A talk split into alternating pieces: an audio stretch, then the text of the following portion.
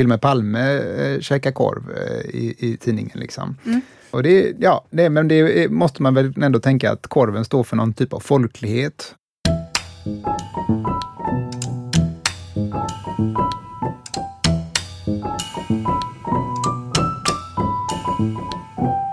Det här är Matarvspodden.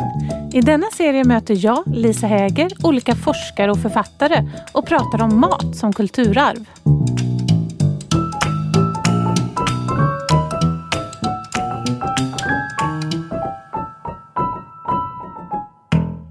Välkommen hit Johan Järlehed, lektor i flerspråkighet och segregationsforskare. Tack ska du ha. Det ska bli spännande. Idag ska vi prata om eh, mat och språk. Du, vad är klassisk snabbmat egentligen skulle du säga? Det är väl mat som eh, går rätt snabbt att laga till, som lagas till i närheten till gatan och som man kan käka på gatan. skulle jag säga. Man måste alltså vara utomhus för att äta det, eller vad skulle du? Ja, man kan väl givetvis ta in det om man vill det, men i princip skulle jag säga att man ska kunna stå på gatan.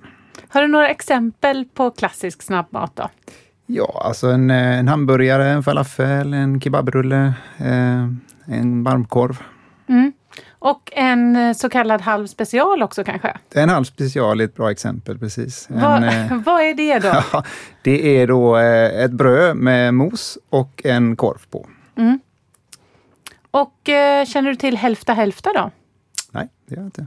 Det är ju hälften mos och hälften pommes. Jaha, ja. Och då får man åka till eh, Skaraborg för att beställa det. Ja, där är, det är jag inte så ofta.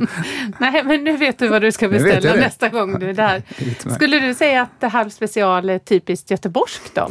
Um, ja, det är väl ganska göteborgskt skulle jag säga. Mm. Varför då?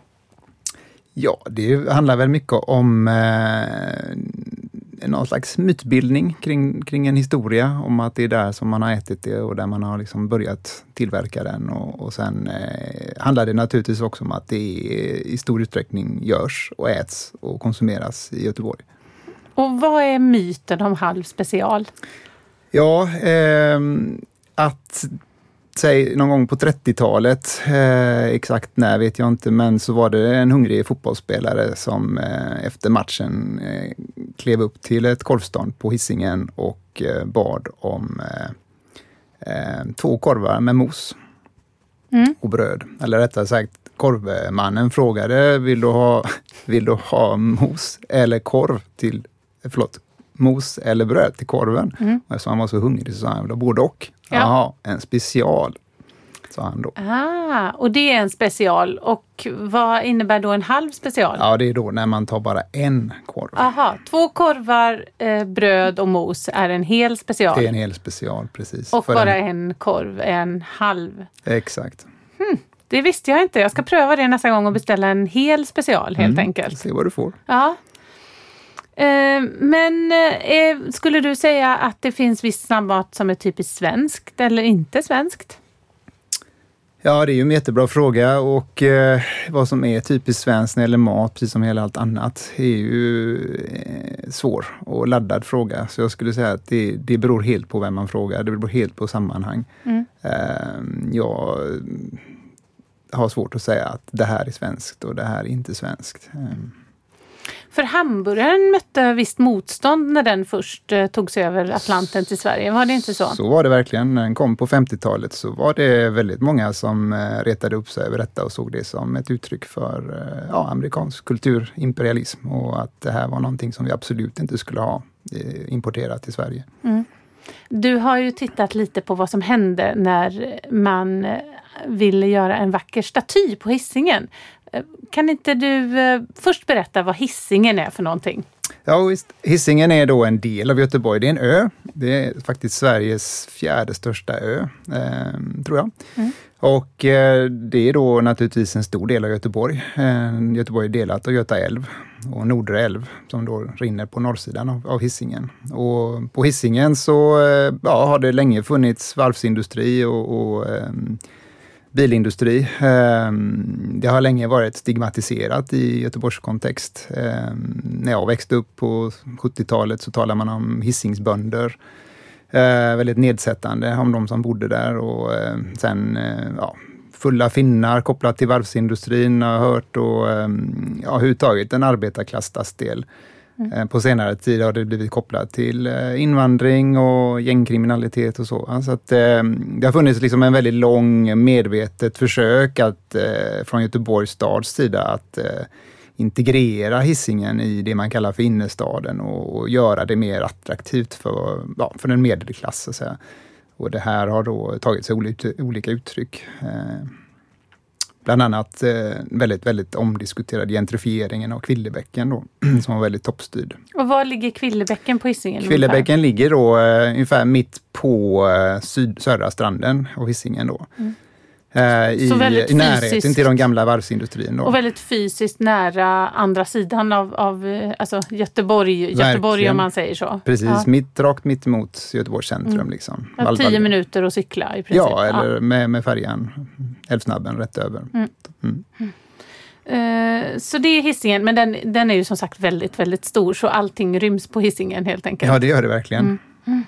Och då kom det ett eh, medborgarförslag eh, om en staty på Hisingen och det kom också ett annat förslag. Kan inte du berätta lite om eh, statyn?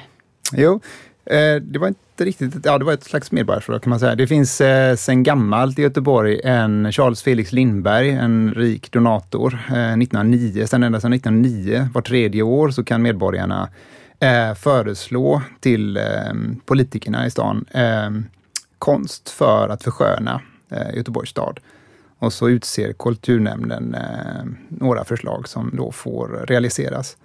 Och till exempel Poseidon, vår kända skulptur, och Botaniska trädgården och mycket, mycket delar av, av Göteborg eh, som har bidragit till försköna staden har så att säga finansierats av den här fonden. Då. Karin Boye utanför Stadsbiblioteket, precis, det är ju en precis. sån populär staty. Ja. Absolut, det finns väldigt många.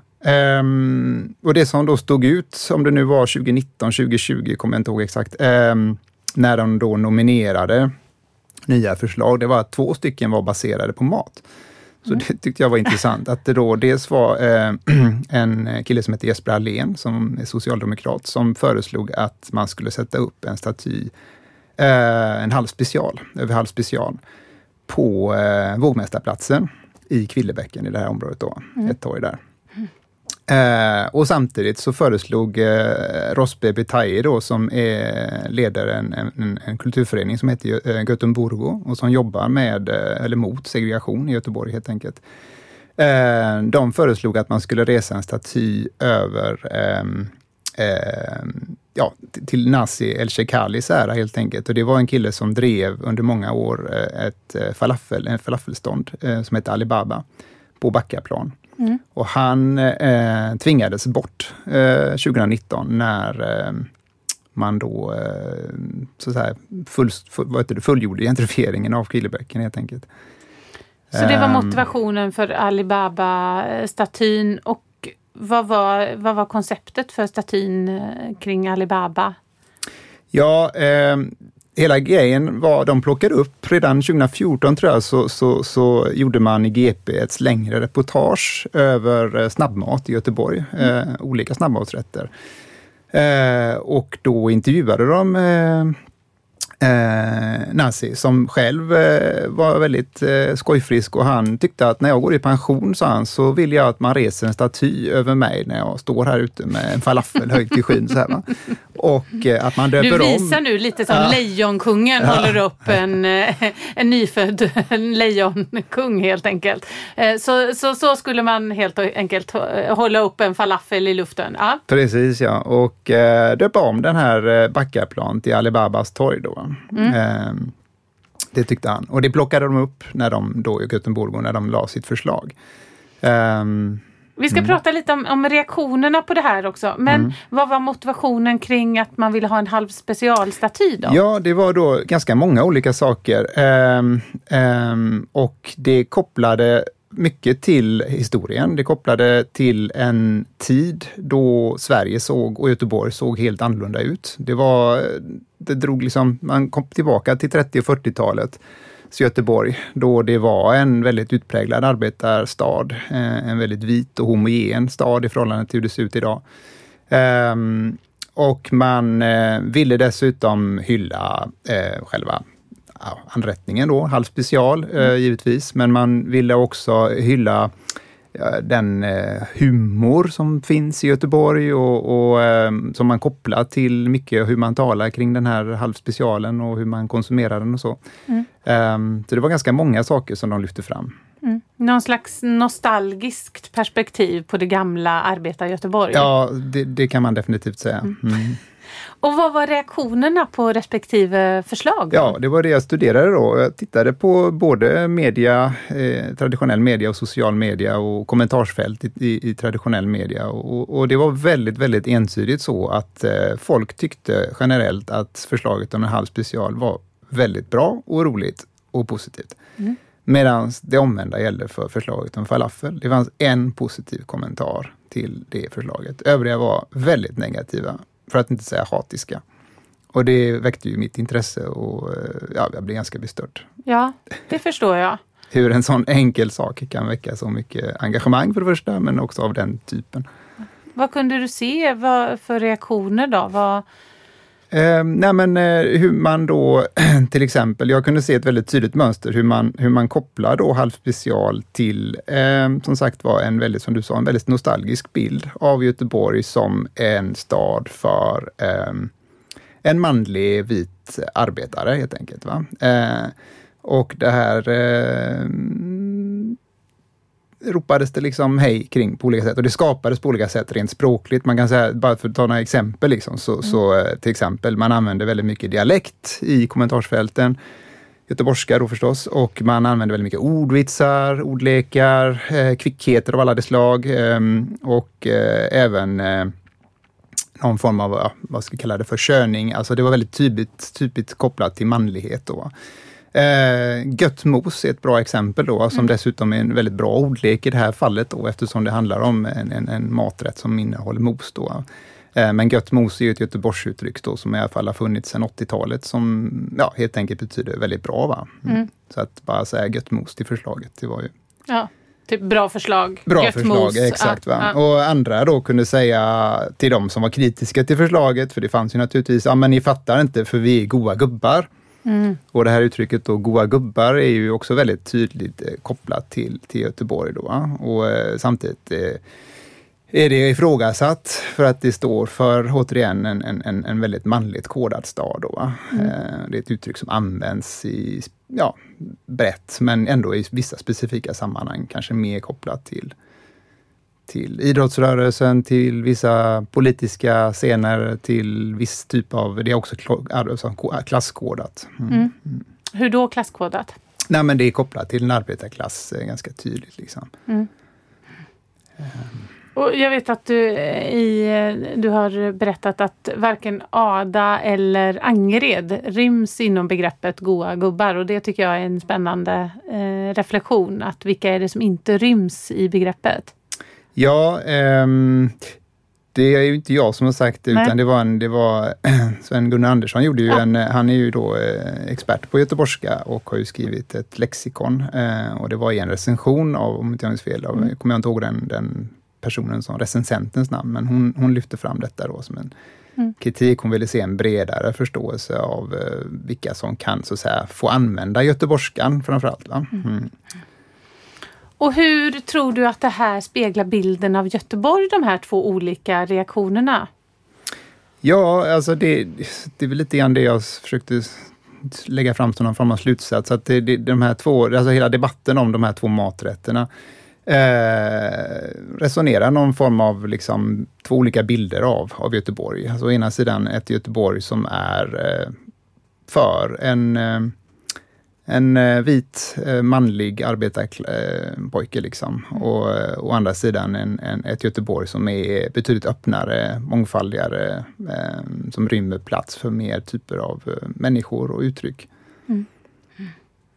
Och du har ju också tittat lite på den här eh, själva skaparen, alltså Charles Felix Lindberg. Vad är det för regler? Passar det här in inom eh, inom det han har skrivit att man ska göra när man, när man eh, ska ha offentlig gestaltning i staden? Ja, nej, men det kan man diskutera och det är intressant. Och det, det, det hans, hans testamente så sa han egentligen bara att mina pengar, vilket var en väldigt stor del, det ska också sägas, det var då motsvarande ungefär 10 procent av Göteborgs budget när han donerade dem då i början på 1900-talet. Mm. Eh, de ska gå till att försköna Göteborgs offentliga miljöer. Mm. Eh, sen har då eh, med tiden eh, offent, alltså politiken, kulturpolitiken givetvis förändrats och eh, tankarna kring vad offentlig utsmyckning ska vara och vad det ska vara till för har ju förändrats i Sverige och inte bara i Sverige utan det finns liksom en inter, internationell tendens som, som har beskrivits av ja, urbanforskare där man eh, lyfter fram att redan från 80-talet, 90-talet framförallt, så har offentlig utsmyckning blivit allt mer eh, instrumentaliserat så att säga och ska användas för, inom ramen för olika typer av urbana förnyelseprojekt. Mm. Eh, men också som ett sätt att försöka ja, eh, få medborgarna att känna att de är mer delaktiga. Och så, va? så det här är någonting som, som eh, Kulturnämnden givetvis i Göteborg då också har liksom tagit hänsyn till när de tolkar de här reglerna. Då. Eh, och i sina uttalanden om varför de väljer det ena eller det andra. Finns det en halv specialstaty på hissingen nu eller en falafelstaty på hissingen? Eller vad hände med allt det här? Ja, nej, det blev ingen av de här som, som, som vann då omröstningen, utan eh, det finns inga sådana statyer, utan det blev två eh, andra monument. Det, ska, det blev ett, en staty över det svenska damlandslaget som ska ställas utanför Nya Ullevi, mm. Gamla Ullevi tror jag, förlåt. Och eh, en, eh, något, någon form av utsmyckning, monument, jag vet inte, i ehm, i eh, Kviberg eh, i östra Göteborg. Då. Mm. Så det blev inget, men de här väckte i alla fall mest uppmärksamhet kanske? Eller? Ja, det skulle jag nog tro, ja. Det, det kanske fanns ett annat syfte också? Alltså diskussionen i sig var...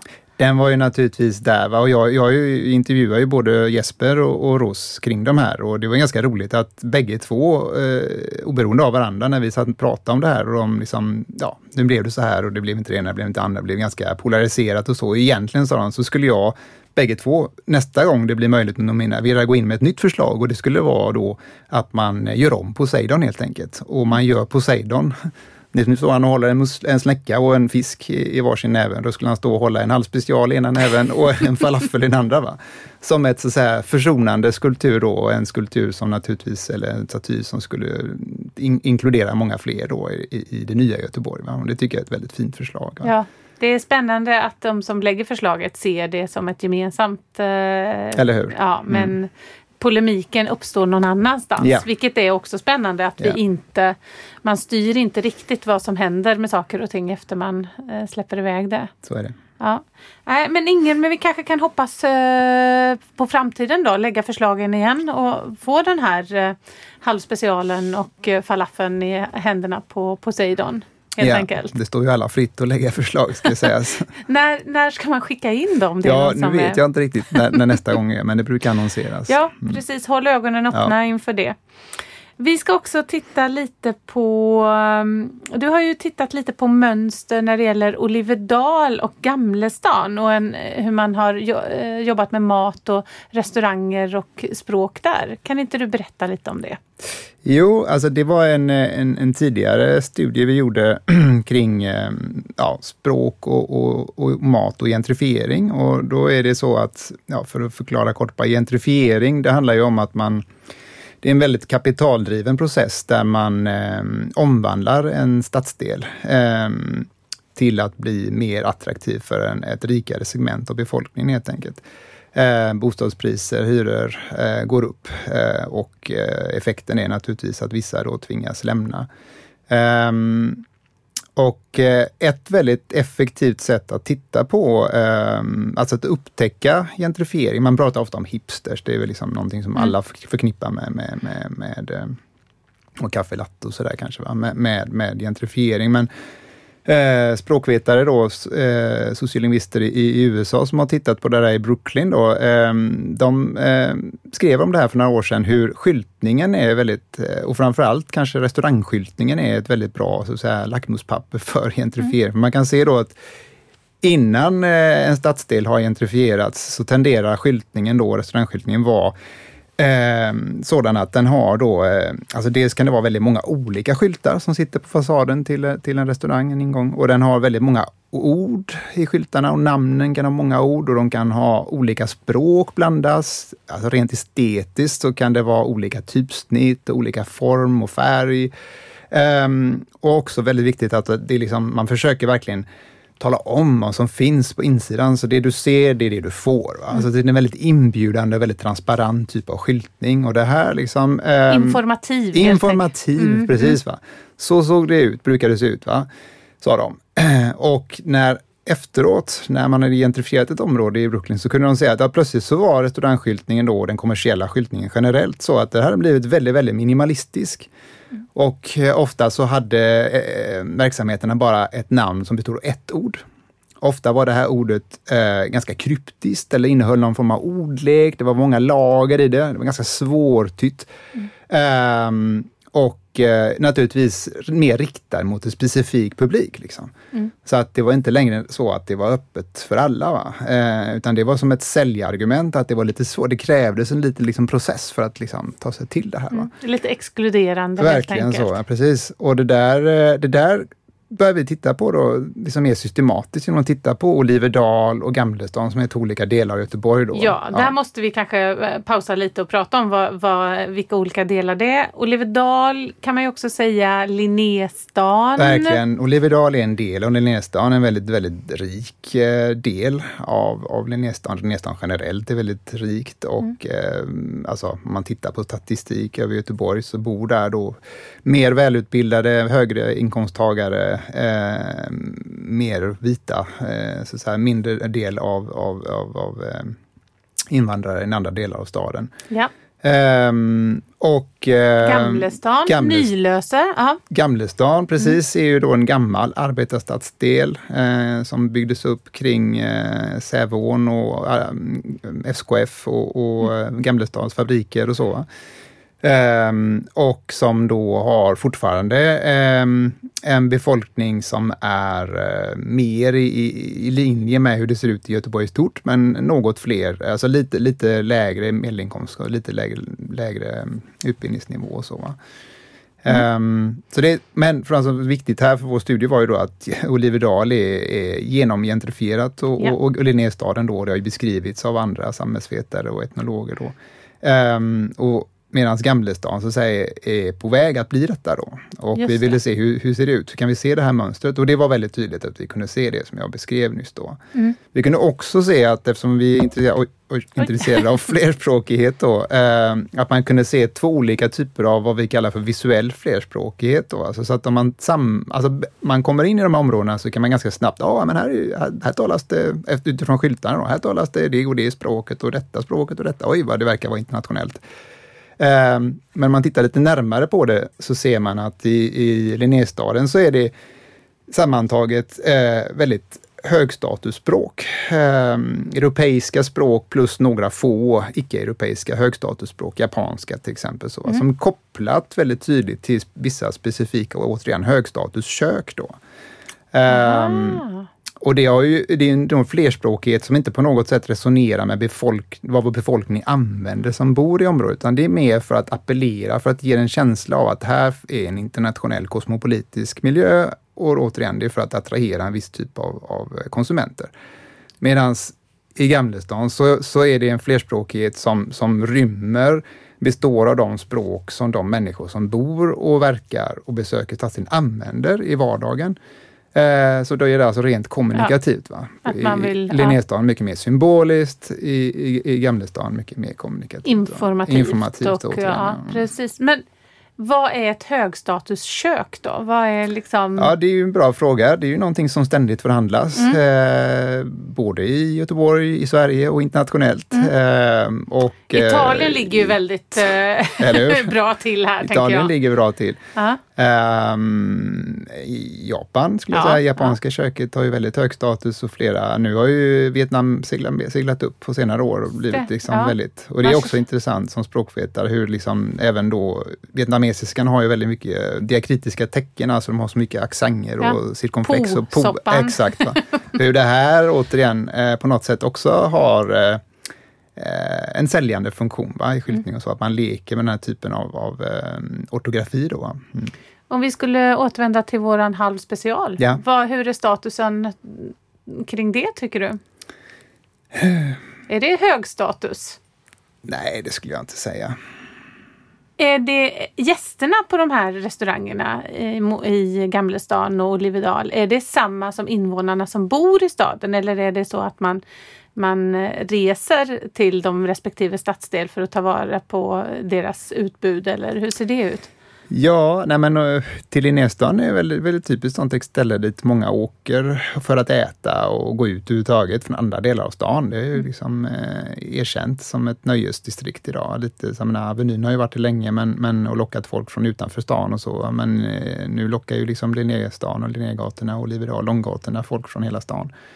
Eh, Så det gör det definitivt. Eh, Gamlestan i mycket mindre utsträckning. Eh, Det, men det finns ju enskilda restauranger till exempel. Alltså den etiopiska Alabesha har ju varit väldigt omtalad länge och det är naturligtvis så att det finns inte så många etiopiska Nej. restauranger i Göteborg. Va? Så att, eh, och det är ett väldigt trevligt ställe. Och Ett besökstips här Ja, nu får så. man på köpet Ja. här i Matarvspodden. Ja. Om ni är i Göteborg och Gamlestan, Mm. passa på helt enkelt. Och hur ser gentrifieringsprocessen ut i Gamlestan då? Om vi, om vi pratar om Linnéstan som ett besöksmål för eh, gå på restauranger med enstaviga ord och snygg, eh, snygg grafisk profil. Vad, hur ser gentrifieringsprocessen ut i, i Gamlestan? Ja, det är en bra och svår fråga. Ja. Alltså, eh, det beror lite vad du menar med hur den ser ut. Hur, hur man, hur, menar du hur, man långt ser den den? Eller hur, man, hur långt har den kommit? kommit? Ja, men den har kommit För SKF eh, är ju inte en fabrik riktigt Nej, längre. SKF är inte längre en fabrik. Den har sålts till Stena Fastigheter som ska göra om det till eh, ganska exklusiva bostäder då. Mm. Så ett helt nytt bostadsområde eh, i de befintliga gamla eh, husen då. Eller skalen i alla fall, ska de behålla. Liksom. Mm. Och detta återigen eh, är ju någonting ganska typiskt med gentrifiering generellt, att man, man försöker alltid behålla någon del av det historiska arvet som finns på plats. Och i det här fallet är det industriarvet som man då vill plocka upp. Men det är ju så att säga, då är det kanske tegelbyggnaderna som man anser har en, en estetisk liksom, eh, värde i detta och de är man väldigt mån om att använda. Och det har man då till exempel plockat upp nu i ett helt nytt eh, typsnitt som standardiseras, som de har tagit fram och som de då sprider i Gamlestan för att markera reviret eh, för utvecklingen. Och det ska då appellera till de här tegelstenarna till exempel. Så det är bara sådana här subtiliteter som kanske inte Ja. man tänker på. Nej, men, det- men, men, men man jobbar väldigt, Ja. väldigt medvetet med, eh, med eh, detta. Mm. Ser du att de typerna av restauranger som finns håller på att försvinna också? Och var, var flyttar de? Vet ja, det? nej, det är en jättebra fråga. Jag vet inte riktigt vart de flyttar som försvinner därifrån, men det är ju, det är ju precis som i alla stadsdelar så är det ju en omsättning, det, det byts ut Mm. och så. Men, men de jobbar väldigt medvetet, och så här, de, och då menar jag, det eh, finns något som kallas för ett Business Improvement District, Gamlestaden, och det är då ett samarbete mellan fastighetsägarna, de stora fastighetsägarna och några små i Gamlestan och eh, flera förvaltningar i Göteborgs stad och polisen. De jobbar sedan flera år tillbaka med att försöka lyfta, det de kallar för lyfta Gamlestan, då, göra om Gamlestan till en annan typ av stadsdel. Den ska bli en del av innerstaden är tanken. Ehm, och eh, återigen, det ska bli liksom en stadsdel som blir mer trygg och det ska vara mer attraktivt för en annan typ av klass, social klass och så vidare. va.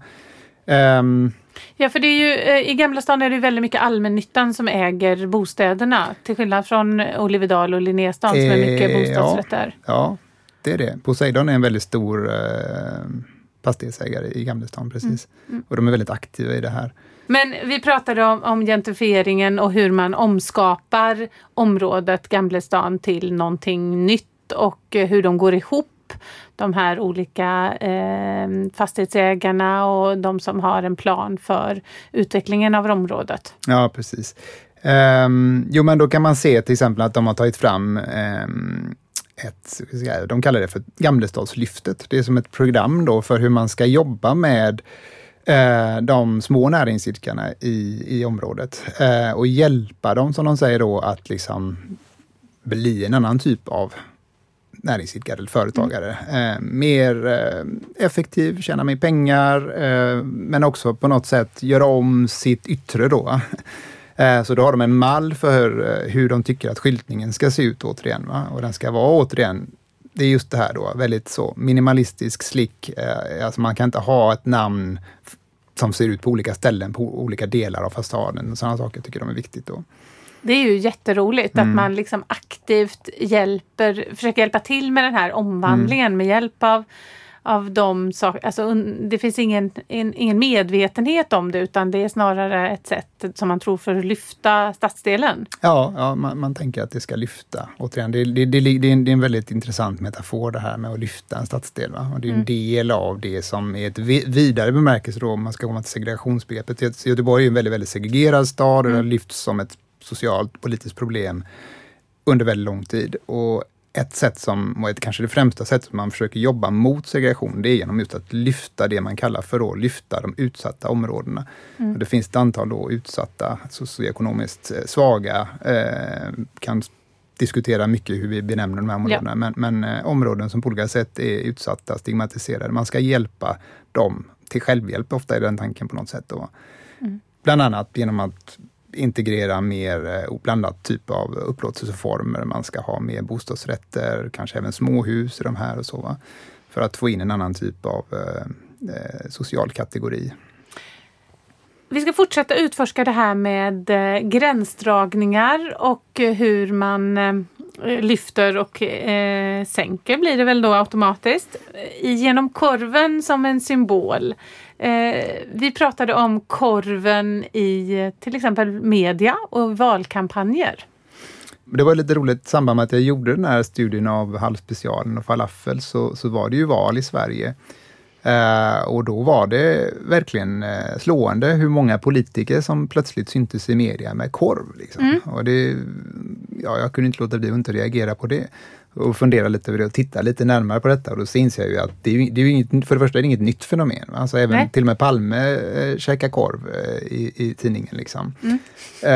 Um, och, och det finns en lång rad, ja. en lång rad av politiker då, även, ja. alltså, det är viktigt att säga också både på, på vänster och högersidan, ja. på den ideologiska ja, ja. skalan då, som har käkat korv i, i pressen då. Eh, eller på tv för den delen, eh, just i samband med val och så. Och det, ja, det, men det måste man väl ändå tänka att korven står för någon typ av folklighet. Och det är någon typ av populism, light skulle jag säga mm. då. Ehm, som eh, det är väldigt lätt att ta till. sen i den här valkampanjen så blev det ju väldigt mycket mer kodat eh, kopplat till kanske Sverigedemokraterna då, som framförallt liksom lyfte detta och, och, Liberalerna med Johan Persson som ständigt åt korv. Varenda gång han uppträdde så, så käkade han korv. Då. Och vad, eh, vad, vad, menar du på då? Ja, nej, det... Men, nej, men det som är intressant är att man tittar, om man lyfter blicken lite grann, så har jag kollegor i Danmark eh, eh, som, har, som har skrivit mycket om, om eh, hur hela danskheten har blivit kopplad till fläskköttet. Mm. Då. Alltså, de har en mycket större fläsk, grisindustri naturligtvis ja. i Danmark, kan vi säga. men de har också, precis som vi, ett traditionellt kök som, som eh, har i alla fall varit ganska köttbaserat. Då. Det har framförallt varit fläskkött.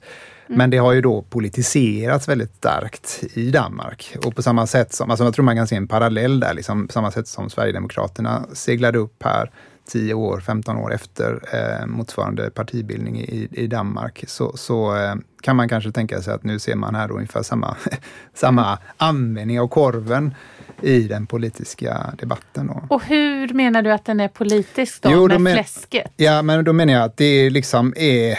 Om man tittar på politiken generellt så har den ju liksom blivit mycket mer fokuserad kring, eh, vad ska vi säga?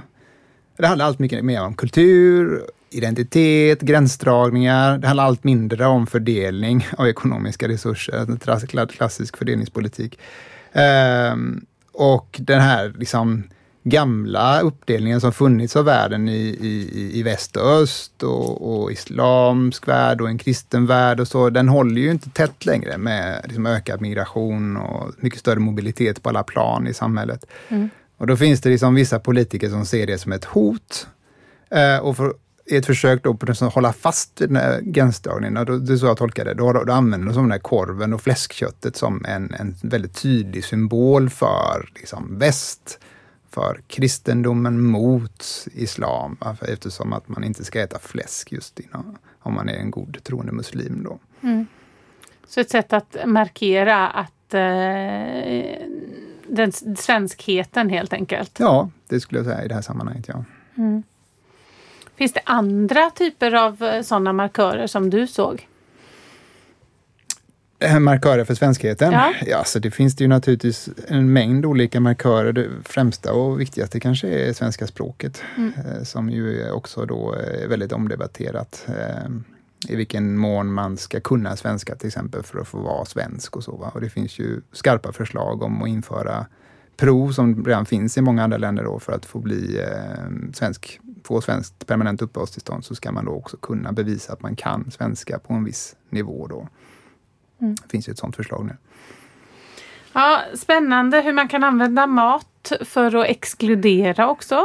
Ja. Mat kan man ju använda för att inkludera men eh, ja, spännande med mat som eh, exkluderande faktor.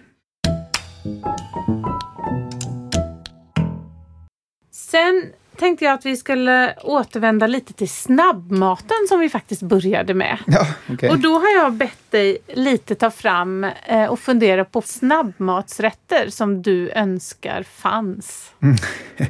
Det är en väldigt svår fråga. Ja. Ehm, alltså jag... Ja...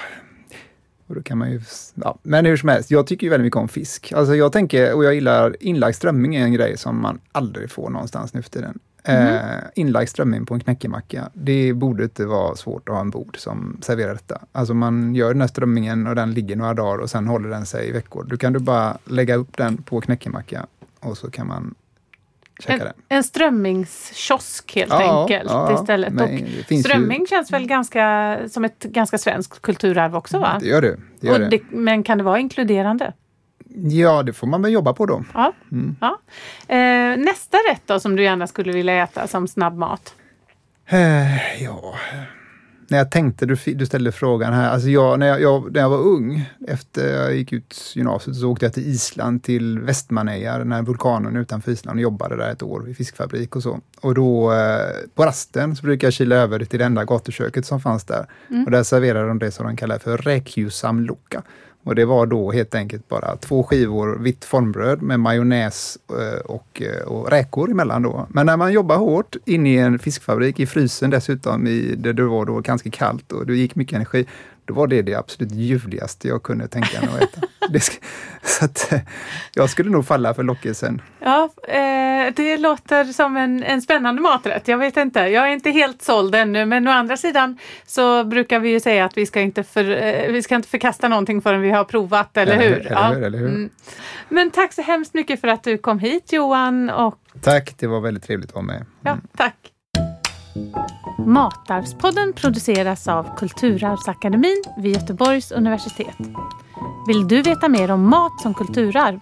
Läs gärna böckerna Matarv och Matarvets trådar publicerade på Carlssons bokförlag. Och vill du veta mer om Kulturarvsakademin? Sök på webben.